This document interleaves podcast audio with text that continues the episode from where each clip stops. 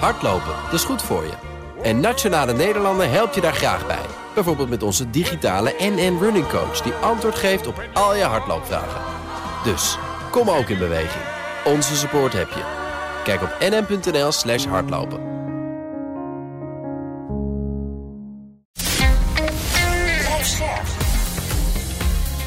BNR Nieuwsradio. De wereld. Bernard Hammelburg. Welkom bij het beste binnenlandse programma over het buitenland. Straks, Hongarije is akkoord met de 50 miljard euro steun voor Oekraïne. Daarover praat ik met het Tweede Kamerlid Kati Piri, buitenlandwoordvoerder voor GroenLinks PvdA. Maar nu eerst, het is in het Midden-Oosten lange tijd niet meer zo gevaarlijk geweest als nu. Dat zei de Amerikaanse minister van Buitenlandse Zaken Anthony Blinken deze week. I think it's very important to note that this is an incredibly volatile time in the Middle East. Um, I would argue that we have not seen a situation as as dangerous as the one we're facing now across the region since at least 1973, and arguably uh, even uh, even before that. Ik praat erover met Jaap de Hoop Scheffer, voormalig secretaris-generaal van de NAVO en oud-minister van Buitenlandse Zaken. Dag meneer de Hoop Scheffer. Dag meneer Hammelburg, goedemiddag. Als iemand met uh, de functie van Anthony Blinken zoiets zegt, wat denkt u dan? Dan denk ik A, dat hij uh, gelijk heeft, uh, dat het escalatierisico groot is. Maar je kunt ook zeggen dat het al behoorlijk is geëscaleerd in het Midden-Oosten. En mijn tweede gedachte daarbij is een wat positievere. Dat ik in ieder geval nog blij ben dat de Amerikanen via Blinken, via ook een persoonlijk bezoek van president Biden aan Israël, maar nu Blinken die door de regio reist meerdere malen, eh, probeert nog eh, dat escalatierisico waar mogelijk te dempen. Eh, dus dus eh, geen ander land doet dat. Dus twee gedachten daarover. Uh, eens met Blinken uh, dat de situatie buitengewoon kritiek en, en, en onveilig is. Ja, ja, dat was het uitbreken van de, van de, van de Yom of de Oktoberoorlog destijds. Hè. En wat heeft geleid tot enorme toestanden en zelfs olie, weet het, benzineloze zondagen in Nederland. Dus het was echt een wereldcrisis. Ja, ik herinner me dat nog, uh, nog zeer, uh, zeer wel. Ja. En dat is een vergelijking die wat mij betreft uh, opgaat. Ja. Be begon, be begon, trouwens, een... begon, trouwens, ook op 7 oktober, als ik me wel herinner. Ja, ja, we moeten niet vergeten, meneer Hammelburg, ook in dit half uur, wie deze oorlog is begonnen. Dat is begonnen met de slagpartij van Hamas. en je kunt verder van alles zeggen over alle partijen, inclusief Israël. Maar daar is het, daar is het begonnen. En de escalatie die erop is gevolgd, is voor ons in Europa gevaarlijk en is voor de bredere wereld gevaarlijk. je kunt wat de Amerikanen betreft nog toevoegen. eerste vraag betrof Secretary of State Blinken. Dat je ook wel merkt dat niet meer zoals dat vroeger toch wel gebruikelijk was uh, de stem van de Amerikanen onmiddellijk de doorslag gaf. Als je het voorbeeld neemt van de Israëlische premier, die niet naar de Amerikanen wenst te luisteren, daar komen we misschien straks nog wel op. Ja. Dan is dat toch iets anders, terwijl de Amerikanen toch de grootste sponsor, militair, politiek, financieel van Israël zijn. Ja, een soort dan zegt dat toch wel wat. Ja, een soort novum. Gaan we inderdaad direct over praten. Um, u zegt terecht. Um, het is uh, gevaarlijk, uh, ook voor de regio. Er ontstaan overal brandhaarden. Uh, bevestigen die uw visie? Is dat waarvan u zegt, kijk, dat is nu waar ik zo bang voor ben? Ja, die bevestigen in die zin mijn visie. Dat, uh, ik heb mij zitten afvragen de timing van die slagpartij van, van Hamas. Waarom nu? En mijn analyse van de, van de algehele situatie uh, is dat uh, de toenadering die bezig was voorzichtig voortgang te maken tussen uh, Saudi-Arabië en Israël, ook weer onder leiding van de Amerikanen, dat dat op een bepaald moment in Teheran, bij de mullahs in Teheran, de theocratie, heeft geleid tot de conclusie: dit gaat wel erg goed te goed voor ons. Uh, want wij willen met onze as van het verzet, de axis, axis of resistance, willen wij uiteindelijk de dominante factor in het Midden-Oosten worden. En dat mag niet zo zijn dat de Amerikanen, de Saudis en de Israëliërs dat, dat, dat worden. Nou, als je dat algehele beeld nou neemt, eh, dan is mijn antwoord op uw vraag: hoe komt het toch dat al die groepen en groepjes uh, uh, actief zijn met aanslagen, raketaanslagen, Houthis, radicale groepen in, in, in Irak, in Syrië? Dan is wat mij betreft de geopolitieke achtergrond dit grote conflict om dominantie in die regio. Ja, en zou je dan kunnen zeggen dat Iran dat lijntjes heeft met al die groepen, met Hamas, maar ook met Hezbollah in het noorden, met de Houthi-rebellen? Um, dat die een soort uh, proxyoorlog voeren. Die gebruiken hun proxies en zetten die in tegen Israël en tegen de Verenigde Staten. En ongetwijfeld ook tegen anderen als die het lef hebben om zich ermee te bemoeien. Terwijl ze zelf niet meedoen. Exact. Iran, de, de, de, de mullahs in Teheran gebruiken die proxies, die, al die gewapende groeperingen van verschillende snit en verschillende achtergrond. In Syrië, eh, in Irak, eh, in Libanon, niet te vergeten met, met, eh, met Hezbollah.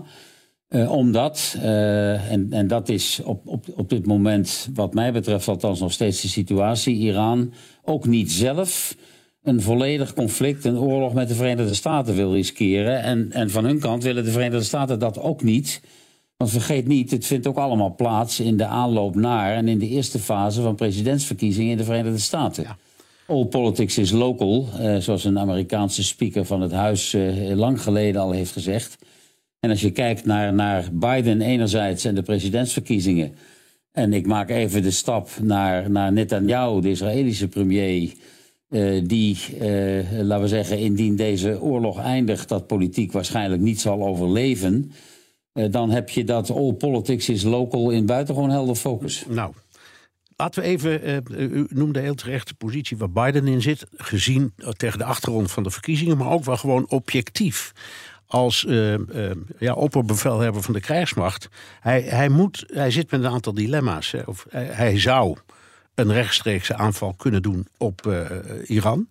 En er zijn in het congres, vooral aan de Republikeinse kant, heel veel leden die dat eigenlijk het liefst zien. Hij kan ook doorgaan met wat ze nu doen, zo van tijd tot tijd een bombardement op proxies van uh, Iran in bijvoorbeeld Syrië of uh, Irak. Of, en die optie, die, daar lees je ook regelmatig over, hij kan niks doen. Dat is soms niet zo een slechte oplossing. Um, wat, als u nou naast hem zou zitten, wat u eh, in uw carrière een paar keer heeft gedaan, wat zou u hem influisteren? Ik zou hem influisteren dat het mij niet verstandig zou lijken, maar dat zit ook al in uw vraag besloten, meneer Hammelburg, dat het mij niet verstandig zou lijken om, uh, uh, om, om met de meest extreme optie te beginnen, doelen in Iran zelf te gaan bestoken kunnen de Amerikanen natuurlijk eh, doen. Dat zou ik hem, eh, dat zou ik hem niet adviseren. Uh, ik zou hem uh, min of meer adviseren wat hij op dit moment in de praktijk brengt. Uh, namelijk dat is gelimiteerd reageren, niet helemaal niets doen. hij kan tenslotte ook niet aanvaarden dat Amerikaanse militairen, zoals enige dagen geleden gebeurd is op de grens van Syrië en Jordanië, dat die rechtstreeks worden aangevallen. U heeft gelijk in uw analyse dat helemaal niets doen kan best goed beleid zijn. Uh, maar ik denk dat, dat chirurgisch, zoals dat dan zo mooi heet, uh, gereageerd zal moeten worden. En ook al wordt. Ja. Want als we even denken aan, aan, de, aan de Houthis vanuit Jemen, die de scheepvaart attackeren in de Bab el-Mandeb-straat, toegang tot de Rode Zee en het Suezkanaal, zoals iedereen weet.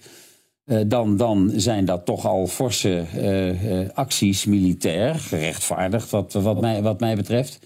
Dus het is een beetje de, de, de mix zoals ik hem beschrijf. maar hij zal zich ook realiseren, de president, dat de andere kant van deze medaille is dat er in zijn eigen land, all politics is local herhaal ik, ook een jongere generatie is die als je naar dit hele conflict Israël-Gaza kijkt, niet zo rotsvast achter Israël staan, en dan druk ik me voorzichtig uit, ja. Eh, als gebruikelijk was in de Verenigde Staten. Biden wordt ook bekritiseerd. Uh, ook vanuit zijn eigen partij, de linkervleugel, hè, de Alexandria Ortesio orkest, uh, orkestmensen. maar ook jongeren met name, in die, in die, die fameuze generatie Z, generatie Z, zou, zouden wij zeggen. Dus hij moet, hij, moet, hij moet ook schipperen in zijn reactie tussen het binnenland en het buitenland. Ja, ik kom daar direct even terug. Eerst even wat u zei over uh, beheerst of, uh, of met precisie een aanval doen. Dat, dat is nu vannacht bijvoorbeeld weer gebeurd op een dronebasis in Jemen van de Houthis.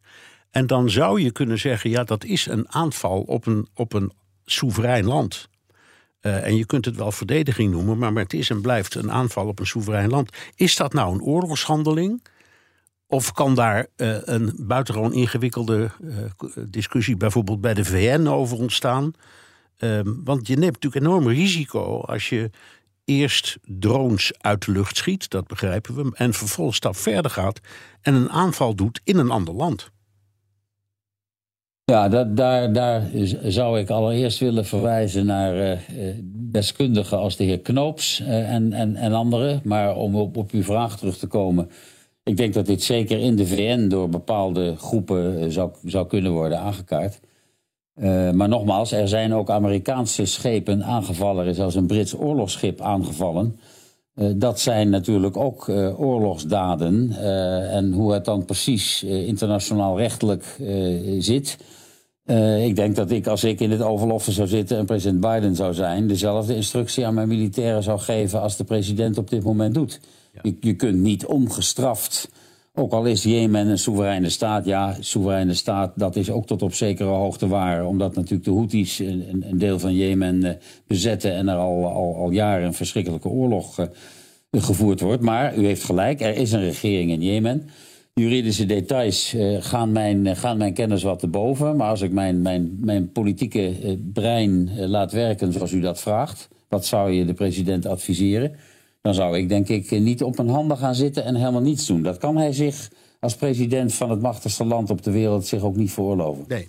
En dan even naar die uh, andere kant. U, u, zei terecht, hij heeft ook in zijn eigen partij behoorlijk wat weerstand Ehm, in de hele Israël-Gaza-affaire en in het hele conflict. Dus, de, de, dus is een hele groep in zijn eigen partij die, die ze van hem afkeert. Tegelijkertijd kun je zeggen dat in de meerderheid van het congres, dus beide partijen bij elkaar opgeteld, nog steeds wel een redelijk. Um, nou, laten we maar zeggen, uh, anti-Iran en stevig aanpak uh, oplossing uh, voorstaan. Dus moet hij dan um, ja, moet zeggen, moet hij nu kiezen tussen wat politiek moet en wordt voorgeschreven in deze situatie? Of moet hij kiezen tussen zijn toch wat gammele positie in de verkiezingsstrijd? Ja, uh, u vraagt me weer om in zijn schoenen te gaan staan. Ik, ik, doe, ik doe dat. Uh, ik, ik denk dat zijn, zijn opperste prioriteit uh, op, op, dit, op dit moment is herkozen te worden komende november. En dat, eh, zoals u zelf terecht analyseert, dat zal al lastig en moeilijk genoeg zijn. Uh, en tegelijkertijd, maar goed, daar is hij president van de Verenigde Staten voor, tegelijkertijd moet voorkomen dat Amerika zijn geloofwaardigheid in die regio verliest.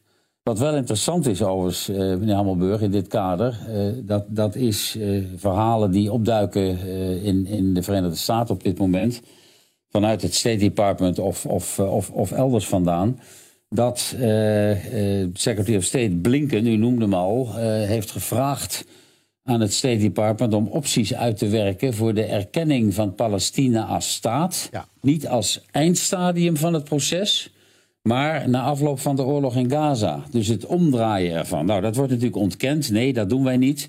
Maar het feit dat dit uitlekt, door wie en waar dan ook, vind ik al een belangrijk signaal dat de Amerikanen ook tegen Netanyahu indirect zeggen: je kunt wel steeds blijven roepen dat je niet naar ons luistert. Maar we hebben ook nog andere mogelijkheden. Want eh, zoals u weet gaat, gaat het gesprek tussen Amerika en Saudi-Arabië, ondanks de oorlog in Gaza, voor die nadere toenadering gaat ook nog door. Dat is weliswaar eh, enigszins op ijs gezet, in de ijskast gezet, zou willen zeggen. Maar het gaat nog wel door. Ja, Cameron in Engeland, de minister van Buitenlandse Zaken, heeft dat ook gezegd en moest het daar weer, e- daarna weer even inslikken. Maar ik, ik ben het Ja. met u eens. volgens mij die dingen die lekken niet voor niks. En, eh, of ze zeggen dat niet voor niks. Zou het zo kunnen zijn, eh, eh, meneer de Hoop Scheffer, dat eh, het signaal van de Britten en de Amerikanen is. Er is ooit in in, na de Zesdaagse Oorlog een definitie gegeven van Israël en Palestina. De bedoeling is dat dat ook ooit wordt gerealiseerd in een twee-staten-oplossing. En er is niks op tegen om alvast de status van Palestina als zodanig vast te stellen. Want dat dwingt die twee delen van Palestina, de westelijke Jordaanoever en Gaza, dan ook om een, eh, ja, een atmosfeer te creëren waarin dat mogelijk is. En op dit moment zijn het vijanden van elkaar, die twee delen. Exact, ik, ik, ik, ik ben dat met u eens. En ik zou mij kunnen voorstellen. Kijk, als, als, als ik nu een, een, een, een, een zeer pro-Palestina georiënteerd land zou zijn. dan zou ik naar de Veiligheidsraad gaan. Misschien gebeurt dat wel. En eens kijken of een resolutie die precies dit zegt. wat u nou net als de analyse geeft. eh, en, en ik zelf in mijn, in mijn antwoord. Om eens, te, om te testen, gaan de Amerikanen dat vetoen? Ja. Eh, of doen ze dat niet? eh, eh, om, om hen moverende reden. Nou, nogmaals, ik denk dat ze zover nog niet zijn, de Amerikanen. Dus ik zou, als ik dat land was, imaginaire land, zou ik daarmee wachten. Maar dat is wel een lijn die ik me zou kunnen voorstellen. En die moet dan gekoppeld worden, uiteraard. En daar geeft Netanyahu ook geen duidelijkheid over. En dat is natuurlijk een, een, een, een, een buitengewoon zwakke politieke positie die hij erin neemt. Hoe moet het verder met Gaza? Ja.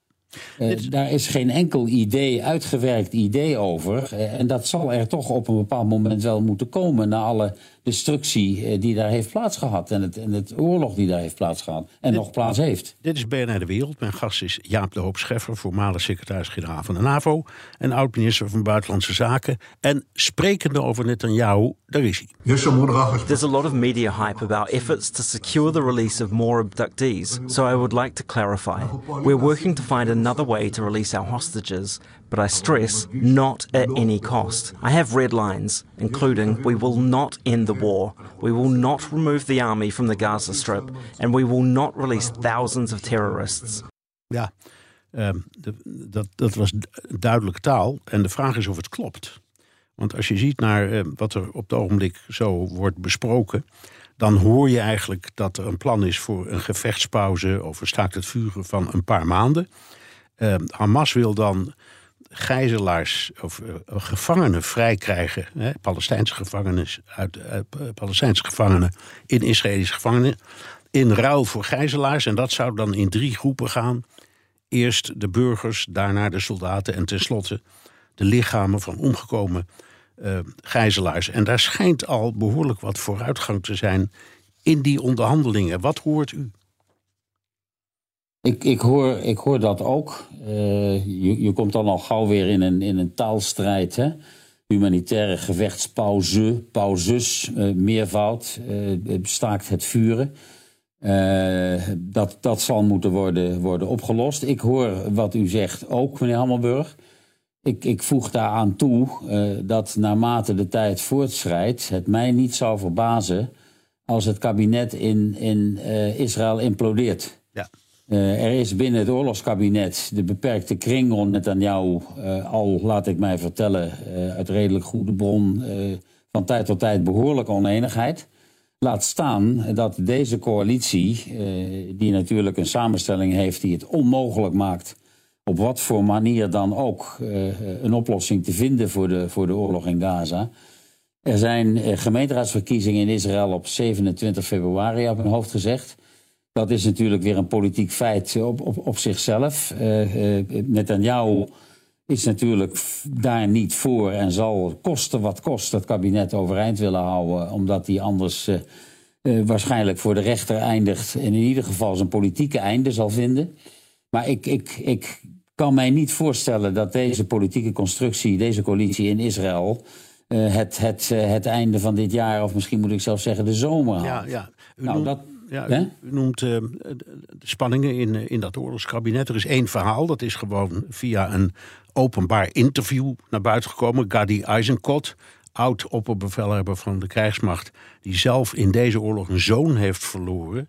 En die zei in dat interview voor de Israëlische televisie: uh, dit aan jou liegt.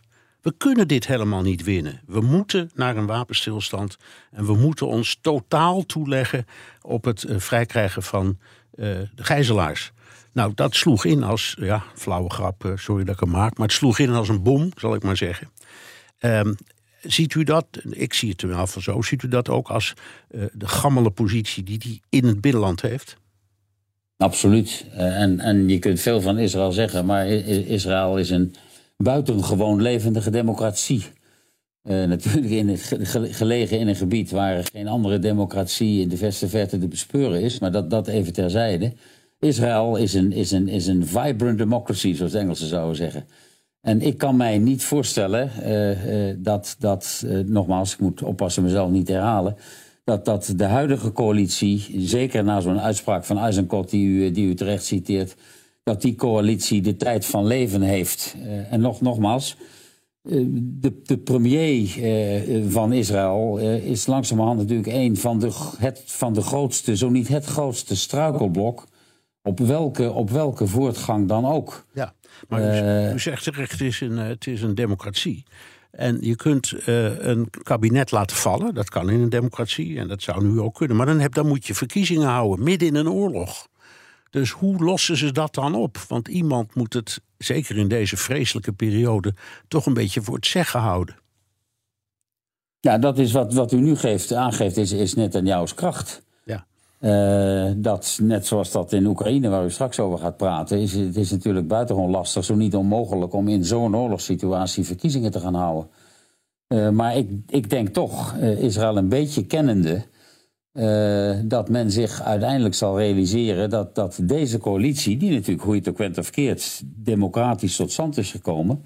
Israël is een democratie, een, een, een volle democratie. Dat die, zoals dat in een volle democratie zou ik zeggen, bijna hoort dat die op een bepaald moment aan zijn eind zal komen. Uh, er, er, komen coalities om mindere redenen aan hun eind, inclusief in Nederland. Ja, ja um, nog even uh, één dingetje. Is er voor Europa hier een taak weggelegd? We hadden, we hadden pas geleden um, Sven Koopmans in de uitzending, voormalig VVD-Kamerlid. Die is namens de EU vredesgezant in de regio. Ik kreeg de indruk dat hij vreselijk hard eraan trekt, maar niet zo verschrikkelijk veel succes boekt. Is dat omdat men de EU wat dit betreft niet echt serieus neemt? Laat ik beginnen met te zeggen dat ik ken Sven Koopmans. Het is een buitengewoon getalenteerde diplomaat. Uh, alleen net zoals zijn chef tussen aanhalingstekens, uh, meneer Borrell in, in, in Brussel... Uh, is, is Europa helaas, zeg ik daarbij, geen eredivisie... maar keukenkampioen of, of, of, of, of nog iets anders. En dat komt omdat, ik zeg dat met teleurstelling in mijn stem, maar dat komt omdat Europa en de, Europese, de leden van de Europese Unie het onderling natuurlijk ook, ook niet eens zijn. en niet zo makkelijk eens worden over wat dan een Europese positie zou moeten zijn. Europa speelt natuurlijk een, een, een langjarige rol in financieel-economische zin, ook in Gaza voeg ik daaraan toe. Er is straks in Gaza natuurlijk een enorme hoop te doen aan, aan, aan, aan wederopbouw. Als er een oplossing wordt gevonden. Als er een multinationale vredesmacht kan worden samengesteld. met deelname van, van gematigde Arabische landen, wat mij betreft. Hopelijk onder VN-vlag. Daar zal enorm uh, veel moeten worden gedaan aan, aan reconstructie en, en, en ontwikkeling. En aan, uiteraard aan, aan Palestijns bestuur. Uh, nou ja, daar kan de Europese Unie dan, uh, dan hopelijk instappen. Moet ook instappen, wat mij betreft.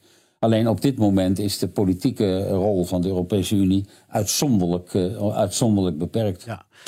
Ik zeg nogmaals erbij, helaas. Ja, ja, ja, nog één vraagje voordat we uh, het gesprek beëindigen. Maar toch, u had, u had het over Oekraïne. Gaan we direct uitvoerig over praten met Pieren. Maar toch even gewoon uh, een reactie van u op het nieuws. Het is toch weer gelukt om één lijn te vinden met z'n 27 en Hongarije over de streep te trekken.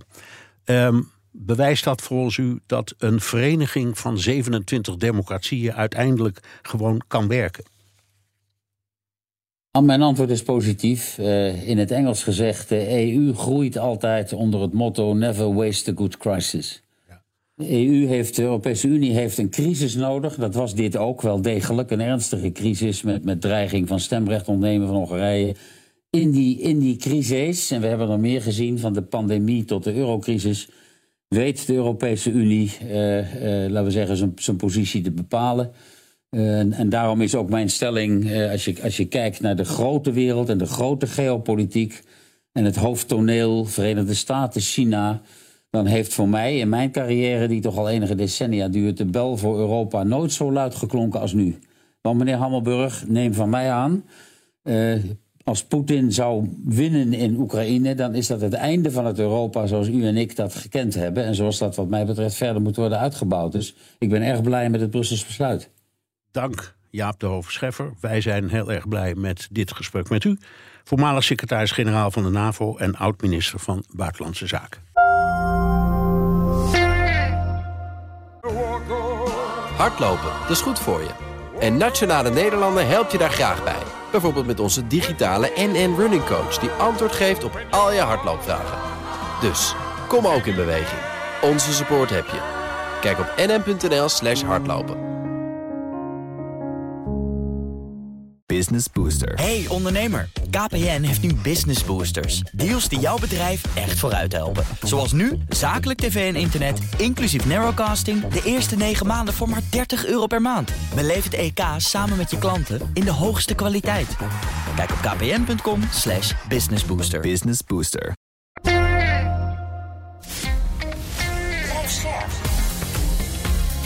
BNR Nieuwsradio. De wereld. Bernard Hammelburg. Witte rook in Brussel. Ook Hongarije is akkoord met het steunpakket ter waarde van 50 miljard euro voor Oekraïne. Voor oud-generaal der landstrijdkrachten Marten Kruijf is de manier waarop wel een verrassing. Nou, dat ze dat zouden doen niet, maar dat het zo snel gaat en eigenlijk voor de vergadering formeel begint. Ja, uh, toch wel een beetje verrast. Over met Kati Piri, buitenlandwoordvoerder voor GroenLinks PvdA in de Tweede Kamer. Dag mevrouw Piri. Goedemiddag. Uh, in december konden de EU-lidstaten het niet eens worden over dit deel van de steun aan Oekraïne. Wel werd er gestemd voor het starten van toetredingsonderhandelingen met Oekraïne tot de EU. En vandaag waren ze er al boem in één keer uit. Wat is hier gebeurd? Ja, ik zat, uh, ik zat helaas niet aan tafel. Maar ik denk dat je, dat je ziet dat uh, uh, Viktor Orbán elke keer eigenlijk zijn hand uh, inmiddels enorm aan het overspelen is. Hè. De afgelopen week ehm, zagen we ook op het NAVO-terrein. Hongarije is het laatste land nu nog wat blokkeert wat, dat Zweden kan toetreden tot de NAVO. Uh, en met grote bravoure uh, heeft hij, nadat de Turken hadden aangegeven, uh, wij gaan akkoord. Dus eindelijk dacht iedereen, nou, dan zijn we er toch. Oh nee, we hebben ook nog Budapest ging hij via Twitter de Zweedse premier uitnodigen voor een bezoek aan Budapest. Om met hem te onderhandelen over dat Zweedse NAVO-lidmaatschap. Nou, hij kreeg de cold shower, oftewel, uh, dat gaan we niet doen. En dat was eigenlijk natuurlijk ook uh, um, uh, ja, heel erg het gevoel binnen de EU. Daar hebben we weer Viktor Orbán, die als laatste weer van alles en nog wat moet. Ja. dus ik denk dat hij doorhad dat hij te vers ja, ja, ja, ja, nou, hij zei ook, wacht even, het moet ook nog door mijn parlement. En het parlement was met reces. Dus dat zou pas in februari gebeuren. Dus Zweden is nog steeds niet uh, belangrijk. Even over deze kwestie. Ik, ik weet het simpelweg niet. U misschien wel. Moet uh, deze uh, toezegging aan Oekraïne bij in, in, in Budapest ook door het parlement? Nee, dat hoeft het niet, want het gaat uh, om eigenlijk middelen eh, vanuit het EU-budget. Daartoe is nu besloten. Uh, sterker nog, een van de scenario's natuurlijk, als Hongarije niet had ingestemd, dan hadden 26 landen het buiten de EU-begroting moeten doen. En dan had bijvoorbeeld ook de Nederlandse Tweede Kamer daar nog apart over moeten instemmen, net als alle 25 andere parlementen. Dus dit konden gewoon de regeringsleiders samen natuurlijk met het Europees Parlement als medewetgever beslissen. Ja, we komen direct misschien wel even op terug, maar ik vind het wel een belangrijk ding wat u zegt. We hadden ook zonder Orbán gewoon land voor land voor land voor land zelf kunnen beslissen. He, dus, ja, dat, dus, was, dat was een van de opties B. Alleen uiteraard, meneer Hamburg, had dan veel langer geduurd. Ja, um, uiteindelijk heeft uh, Orbán uh, gelukkig, zullen we maar zeggen, gewoon getekend uh, bij het kruisje. Nou is het ook wel enorm onder druk gezet. De afgelopen dagen ging het verhaal, het kwam uit de Financial Times, dat uh, de, de, de Europese Centrale Bank of misschien de Europese Centrale Banken het plan hadden om de Hongaarse muntenflorint te destabiliseren. Dat is een enorme klus, want dan moet je enorme tegoeden die je in die munt hebt verkopen, dumpen dus. Maar goed, dan, dan hadden ze bij wijze van spreken Hongarije in een situatie kunnen chanteren, economisch, om, om goed te keuren. Denkt u dat dat gerucht of dat verhaal uit de Financial Times, dat Orbán daarvan is geschrokken of schrikt hij van niks? Een, moeilijke vraag. Ik denk wel dat uh, de Hongaarse bevolking afgelopen week is geschrokken. Uh, want je zag al dat de forint, de Hongaarse munt, uh, alleen al door de geruchten dat dat in een krant stond, nog los van of dat waar was of dat het echt serieus een plan was, uh, onmiddellijk zag je investeerders ook reageren en de beurzen reageren. Uh, en uiteindelijk, ja, heeft ook Victor Orbán uh, natuurlijk een thuispubliek, vooral een thuispubliek, niet alleen een internationaal publiek. dus, dus je zag wel dat de spanningen in Hongarije daardoor toenamen. Ja. En The Guardian die meldt dan dat de Europese Raad de steun nu elke twee jaar gaat evalueren. Dus niet, en dat was ook iets wat Orbán graag wilde. Ehm, en dat de Europese Commissie dan een, een herziening zou kunnen indienen. Toen ik dat las, misschien, misschien dat ik het niet goed las hoor, maar dat is wat ik begreep, dacht ik, nou ja, dat is ook niet zo onredelijk. Want als je zo'n groot bedrag toezegt voor, ik meen, vier jaar ja, dan is het misschien niet zo onhandig om eh, van, van tijd tot tijd eens te kijken of het wordt besteed zoals we bedoelden, of het werkt, ga ze maar door. Dus een beetje nakalculatie halverwege. Uh, ja, hè, dat... had bewijs van een Nederlands voorstel kunnen zijn, toch? Bij wijze van spreken, ja, zeker, had zeker kunnen zijn. Ja. Nee, zeker. Op de inhoud zeker een terecht punt. Alleen we weten natuurlijk dat Victor Orbán eigenlijk elke keer gewoon een nieuw argument verzint om ervoor te zorgen dat hij elke keer weer een veto kan uitspreken. Ja. dus het ging hem helemaal niet om goede besteding van het geld. Uh, dus uh, ik denk ook, als, zoals ik in ieder geval, maar goed, de details uh, zullen we misschien straks meer horen. er is in ieder geval geen veto-mogelijkheid weer voor Victor Orbán de komende vier jaar op deze fondsen. Uh, zoals ik het begrijp. Maar gaat de commissie uiteraard kijken of uh, geld goed wordt besteed. Of je het misschien op een andere manier uh, um, aan andere doelen. Een, evaluatie halverwege. Lijkt, me, lijkt me niet meer dan terecht. Maar om nou te zeggen dat dat een enorme concessie was naar Orbán. Niet dat u dat zegt, maar um, uh, dat, uh, dat is denk ik niet nee, Het viel alleen maar op, dus ik was gewoon benieuwd. Um, Jaap, ja. Jaap de Hoop Scheffer zei net in deze uitzending... de EU heeft altijd een crisis nodig om tot een besluit te komen... Nou, die hebben we nu gehad. Uh, bent u het met hem eens? Is dit weer zo'n voorbeeld? Als je de zaak maar hard genoeg onder druk zet, dat was bij Brexit bijvoorbeeld ook het geval, dan is die eenheid er best, maar je moet er hard voor knokken. Uh, ja, want die eenheid, uh, die vreselijke oorlog is nu al een, een, hele tijd gaande. En um, ik denk dat heel veel mensen van tevoren niet hadden gedacht dat er zoveel sanctiepakketten door de EU verenigd er doorheen zouden komen. En dat is wel gelukt. Uh, alleen wat natuurlijk inmiddels, um, uh, denk ik, parten speelt, is dat er wel elke keer één dwarsligger is. En er is één man die altijd elke Europese top, of het nou gaat over welke sanctiepakketten er moeten worden vastgelegd, of uh, over financiële steun aan Oekraïne, over het starten van onderhandelingen. Het is wel elke keer hetzelfde land wat, uh, um, nou, wat tot op het einde aan het zwaaien is met dat veto-recht. Ja. ja, en dat, dat wordt men inmiddels natuurlijk wel gewoon spuugzat. Ja. Um, en uh, ja, je kunt. Uh, nou ik zeg, dat, dat, uh, dat vetorecht, nou komen we direct nog wel even over te spreken. Maar hij, hij, hij gaat toch elke keer op het laatst door de knieën. Dus je kunt ook zeggen, nou ja, hij is een beetje een lastig kind. Maar als je maar weet hoe je hem aanpakt, komt het goed. nou, hij gaat keer aan, door de knieën, maar hij heeft natuurlijk ook wel een aantal punten binnengehaald. Hè? Ook over het sanctiepakket. Hij heeft toch ook bijvoorbeeld voor Hongarije toch echt een.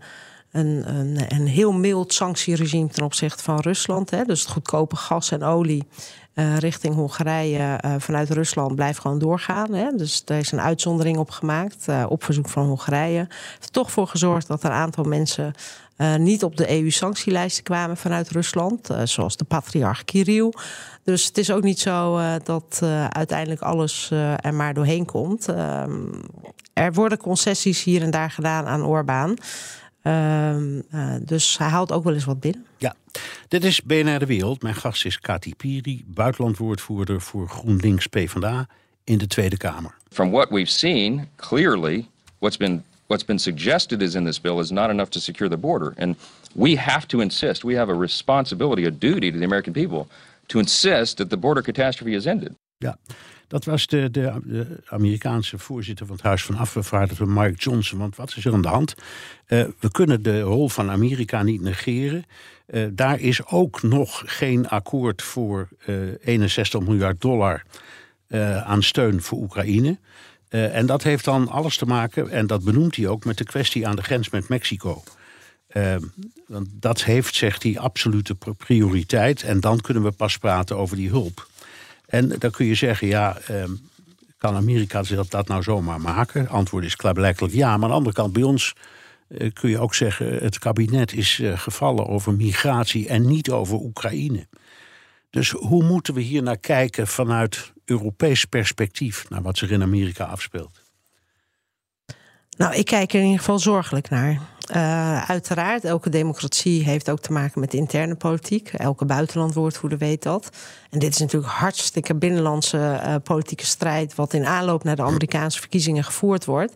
Met mogelijk als gevolg uh, dat wij het aan onze veiligheid heel erg gaan merken... maar zeker de Oekraïners dus uh, als. Uh, ja, ik, ik, ik, vind, ik vind zeer zorgelijk. Het is maar ook de vraag natuurlijk of de Republikeinen er überhaupt uit willen komen. Uh, een paar maanden voor de Amerikaanse verkiezingen. Uh, en daarom is denk ik extra blij, uh, ben ik extra blij dat vandaag in ieder geval het positieve signaal komt vanuit Brussel om die financiële hulp. Want natuurlijk in december het uh, positieve signaal over het starten van die toetredingsonderhandelingen met Oekraïne. En nu is de vraag, en daar ben ik bang dat we zonder de Amerikanen toch echt een probleem hebben.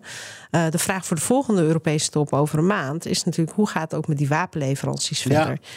En uh, ja, dat zonder de Amerikanen uh, blijft gewoon ontzettend ja, moeilijk. Ja, je kunt, zou je kunnen zeggen, Europa zorgt een beetje voor het geld in deze constructie, maar Amerika zou moeten zorgen voor de wapens. Um, kunnen we stellen dat wij dat het gewoon niet waar kunnen maken zonder de Amerikanen? Uh, ik vrees dat we misschien wel in een scenario uh, terechtkomen waarin dat nog zal moeten blijken. Uh, het liefst heb je natuurlijk überhaupt niet dat je over dat soort scenario's hoeft na te denken binnen ook bondgenootschap, wat, wat, we, wat we met z'n allen hebben met de Amerikanen. maar het wordt moeilijk. Je ziet eigenlijk een van de grote landen in de EU die, denk ik, echt heel veel levert, is Duitsland. Het is ook duidelijk, het is na de Amerikanen de grootste leverancier, ook voor militaire hulp. Maar je ziet een aantal andere grote EU-landen die toch uh, iets verder af liggen, ook van uh, Oekraïne. Uh, die wel hele grote woorden hebben, zoals bijvoorbeeld de Franse president. Maar uiteindelijk militair gezien gewoon heel weinig, heel weinig leveren aan Oekraïne. En dat is een probleem. Ja, dus het antwoord is: nee, we kunnen eigenlijk niet buiten de Amerikanen. Er moet, er, er moet, het wordt heel moeilijk zonder hen. Wordt heel moeilijk. nou, even terug naar Europa. Op dit moment is België voorzitter van de EU. Ja. Uh, de volgende voorzitter vanaf deze zomer is Hongarije. Uh, daar zijn zorgen over binnen de Unie. Kan dat de steun aan Oekraïne verder in gevaar brengen? Um, kijk, het is, um, het is niet zo dat, de, dat het land wat zes maanden lang het uh, rolerend voorzitterschap heeft van de EU alles kan bepalen dus uh, sinds we de functie ook hebben van uh, um, de voorzitter van de raad, uh, een speciale functie, nou, dat is Charles Michel, die bepaalt in principe natuurlijk gewoon de agenda van die raad. Uh, je kunt wel in lopende dossiers of onderhandelingsdossiers heel veel invloed hebben, ehm, maar die zijn er wat minder. In ieder geval niet vanuit de wetgeving, niet vanuit de commissie, niet vanuit het parlement, omdat we natuurlijk die Europese verkiezingen ingaan. Maar voor mij het nachtmerriescenario is in juni uh, toch de Orbán-krachten uh, die een flinke winst kunnen boeken bij de Europese verkiezingen. In november um, nou, aan de an andere, andere kant van de oceaan een uitslag uh, dat Trump weer terug is in het Witte Huis. En de EU wordt in die periode dan voorgezeten formeel door Viktor Orbán. dus ik denk dat het heel erg afhangt van deze twee ontwikkelingen, wat voor voorzitterschap we van Hongarije gaan zien. Ja, het is, uh, het, het is inderdaad nou, het is niet zo'n opwekkend beeld. Um, Nee, maar het hoeft niet te gebeuren, hè? Nee, nee, dat Ze worden wel voorzitter, maar die twee andere zaken kunnen nog gered dat worden. Het kan allemaal nog anders lopen. Uh, nog even over uh, Hongarije, want de, de, de, de, kwesties waarover Hongarije straf heeft of had of zou kunnen krijgen van de EU um, over hun uh, zeggen, de, de rechtsstaat zoals die functioneert of niet functioneert, vinden wij in Hongarije. daar wordt dan voortdurend gesproken over het afnemen van het stemrecht via een zogenaamde genaamde artikel 7 procedure. Is dat nou een goed plan? Nou ja, ik heb nog geen beter plan gehoord. Dus uh, het probleemkind Victor Orbán is niet nieuw. Daar hebben we nu inmiddels volgens mij 13 jaar mee te maken. En we zien eigenlijk ook hoe hij constant ehm, de democratie in Hongarije uitholt. het Europese parlement heeft de eerste keer dat het Europese parlement dat heeft gedaan bij een land in 2018. Mijn collega Judith Sargentini heeft de zogenaamde artikel 7 procedure uh, gestart. Dat kan de Raad zelf doen, dus de regeringslijst, maar ook het Europees Parlement. En dat, dat is gestart in 2018. Alleen, uh, uh, ja, er zit geen einddatum aan. En je ziet binnen de, onder de regeringsleiders wordt die hete aardappel eigenlijk elke keer maar gewoon een beetje uh, doorgespeeld. Uh, want niemand wil eigenlijk, eigenlijk wil niemand het liefst het aan laten komen op zo'n stemming. Dus we zijn vijf en een half jaar verder. Orbán is er niet democratischer door geworden. En die artikel 7 procedure is nog steeds niet in stemming gebracht in de nee. Nee, loopt er ook nog een rechtszaak van het Europese parlement over Hongarije. Uh, tegen de commissie, omdat Hongarije ja. toch 10 miljard aan bevoren te goede krijgt. En daar heeft uw partijgenoot Thijs Reuten behoorlijk tegen gestreden. Hebt u uh, de indruk dat de commissie het niet zo ver laat komen en zwicht? Zwicht voor het Europees Parlement. Ja. Um, uh, nee, want het geld wordt zelfs al volgens mij in porties vrijgegeven aan Hongarije. Kijk, het is de vraag. Um, we hebben heel lang gestreden in, in, in Brussel, ook nog toen ik daar zat, om überhaupt het geven van Europese subsidies, om daar een link, een, um, uh, dat het gelinkt is aan respect voor de rechtsstaat. Nou, daar is het zogenaamde rechtsstaatmechanisme uitgeboren. Uh, op basis daarvan uh, zijn een aantal miljarden subsidies voor Hongarije uit het cohesiefonds zijn bevroren. En um, nou, ik denk dat het um, iedereen op is gevallen dat die uh, tegelijkertijd met dat Viktor Orbán maandenlang dreigde om geen geld te geven aan Oekraïne niet te starten met de onderhandelingen, Toevallig, net op dat moment, vond de commissie ook dat Victor Orbán best nu inmiddels aan een aantal van die voorwaarden had voldaan. En dat de helft van die bevroren gelden konden worden vrijgegeven. Dus op zijn minst is de timing wel uh, uh, verdacht. Ja. Dus als je een rechtsstaatprocedure hebt, hou je dan ook aan die rechtsstaat. Ja. En ga dat niet vermengen met andere zaken. Nee, want dan heb je op zijn minst de schijn tegen en waarschijnlijk ook de waarheid. Uh, we hebben het vandaag over Europese steun. maar dan moeten we ook even naar Nederland kijken. U noemde al uw vrees voor de veranderingen in Amerika. Uh, de macht van uh, Orbán die blijft. Maar we hebben ook in, in, in Nederland uh, ja, we hebben een formatie, VVD en NSC. maken zich hard voor, voor steun aan, aan Oekraïne. PVV staat niet bepaald bekend als warm voorstander. BBB-Kamerlid Mona Keizer vroeg zich deze week af of Oekraïnse vluchtelingen niet terug kunnen naar sommige delen in Oekraïne. Ja, vrij schandalig. Ja, kortom, maakt u zich zorgen over de Nederlandse steun? Nou, um, uh, ja en nee. Het, het, antwoord was natuurlijk eh, voor de verkiezingen. We wisten eigenlijk wie deze verkiezingen ook zou winnen. Er is gewoon een hele brede politieke steun vanaf het begin van deze oorlog. Of je nou in de oppositie zat, zoals mijn partij, of in de coalitie. Uh, eigenlijk stonden we altijd naast elkaar om die steun voor Oekraïne te garanderen. Uh, maar ja, op het moment dat een partij de grootste wordt, uh, die uh, dat namelijk echt niet vindt. Ehm, ehm, sterker nog, in het verleden natuurlijk ook hele nauwe banden altijd heeft gehad met, met Poetin. Ja, dan, dan maak je je wel zorgen. Maar daarom was ik ook blij om samen met Caspar Veldkamp van NSC... eigenlijk meteen in de eerste mogelijkheid die we hadden... de Kamer te laten uitspreken dat die steun onvoorwaardelijk blijft voor Oekraïne zolang deze oorlog duurt. En um, ik heb ook vertrouwen in dat NSC en VVD dat ook aan de onderhandelingstafel uh, daar echt voor blijven staan. Maar daar kwam er inderdaad nog bovenop afgelopen week dat nu opeens ook BBB. Uh. We hadden een migratiedebat over uh, de begroting voor asiel met Erik van den Burg. En daar opeens het ballon opkwam. We, we vangen hier honderdduizend Oekraïners op. Ik vind prima dat je gesprekken voert over mensen die werken, dat die ook meer gaan bijdragen aan een opvang. Allemaal terechte discussies. Maar de illusie wekken dat wij nu uh, misschien wel weer mensen moeten terugsturen, verplicht naar Oekraïne, waarvan we weten dat het daar niet veilig is. Ja, ik, ik, ik had er eigenlijk geen woorden voor. Nee.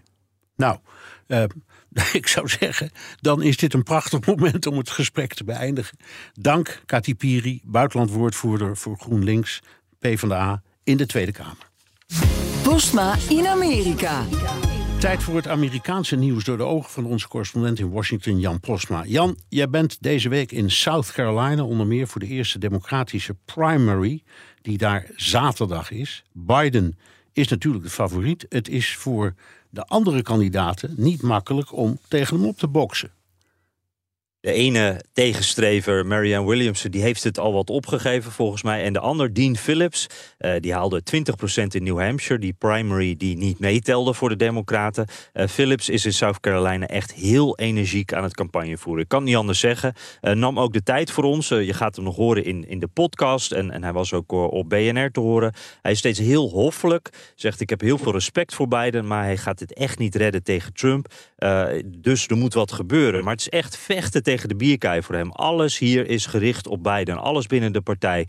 Uh, er was zaterdag een groot campagne-evenement uh, voor de Democratische Partij. Vanwege die primary. Uh, daar was ik ook bij. Biden was de hoofdspreker. Dean Phillips mocht als tegenkandidaat ook spreken. Maar wel in het voorprogramma. Toen iedereen nog zijn plekje zocht of bij de bar stond. Dus echt niemand luisterde. You know what, everybody? Can I have your attention for just a minute? We're all Democrats. Got a lot of speakers tonight, and I know what it's like when no one's paying attention. I would ask for just about two of your minutes. I would just be grateful and afford the same respect to everybody who's up here. Thank you.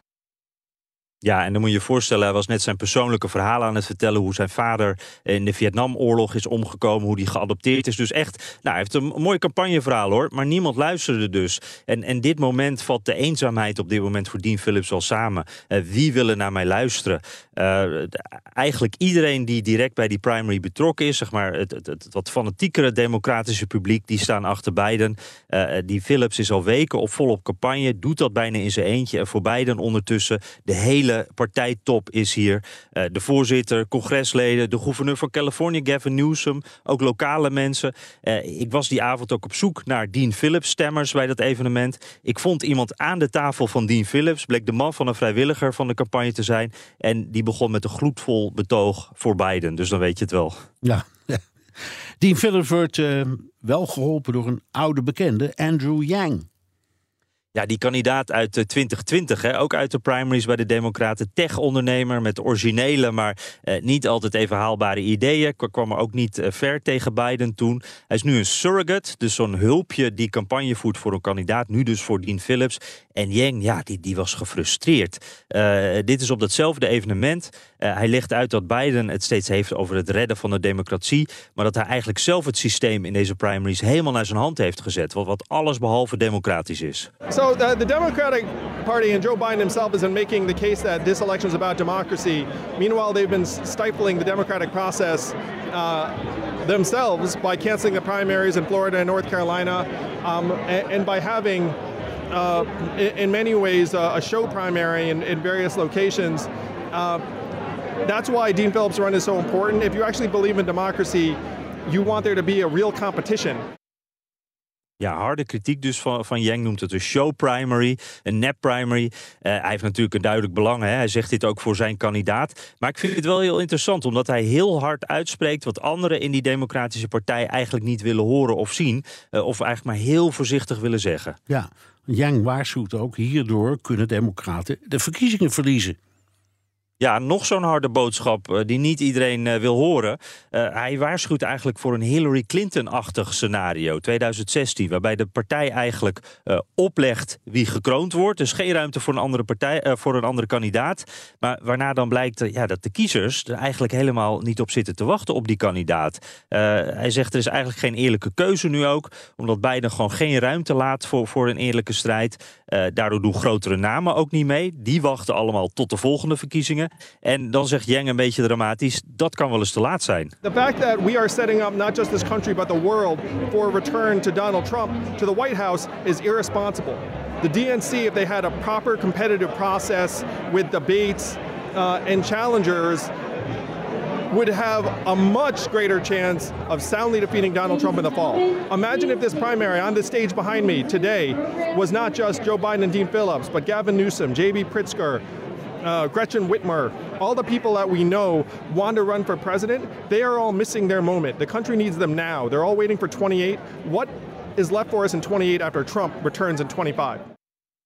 Ja, uh, nogmaals, hij heeft hier natuurlijk eigen belang bij. Het is zijn kandidaat die op moet boksen tegen Biden. Maar in één ding heeft hij sowieso helemaal gelijk. Uh, als inderdaad Biden het bij één termijn had gehouden... dan hadden al die namen die Yang hier noemt uh, het vast geprobeerd... en dan had dat veld er nu heel anders uitgezien. Hadden we echt heel andere primaries gehad. En sowieso een andere kandidaat. Dank. Jan Postma, correspondent in Washington.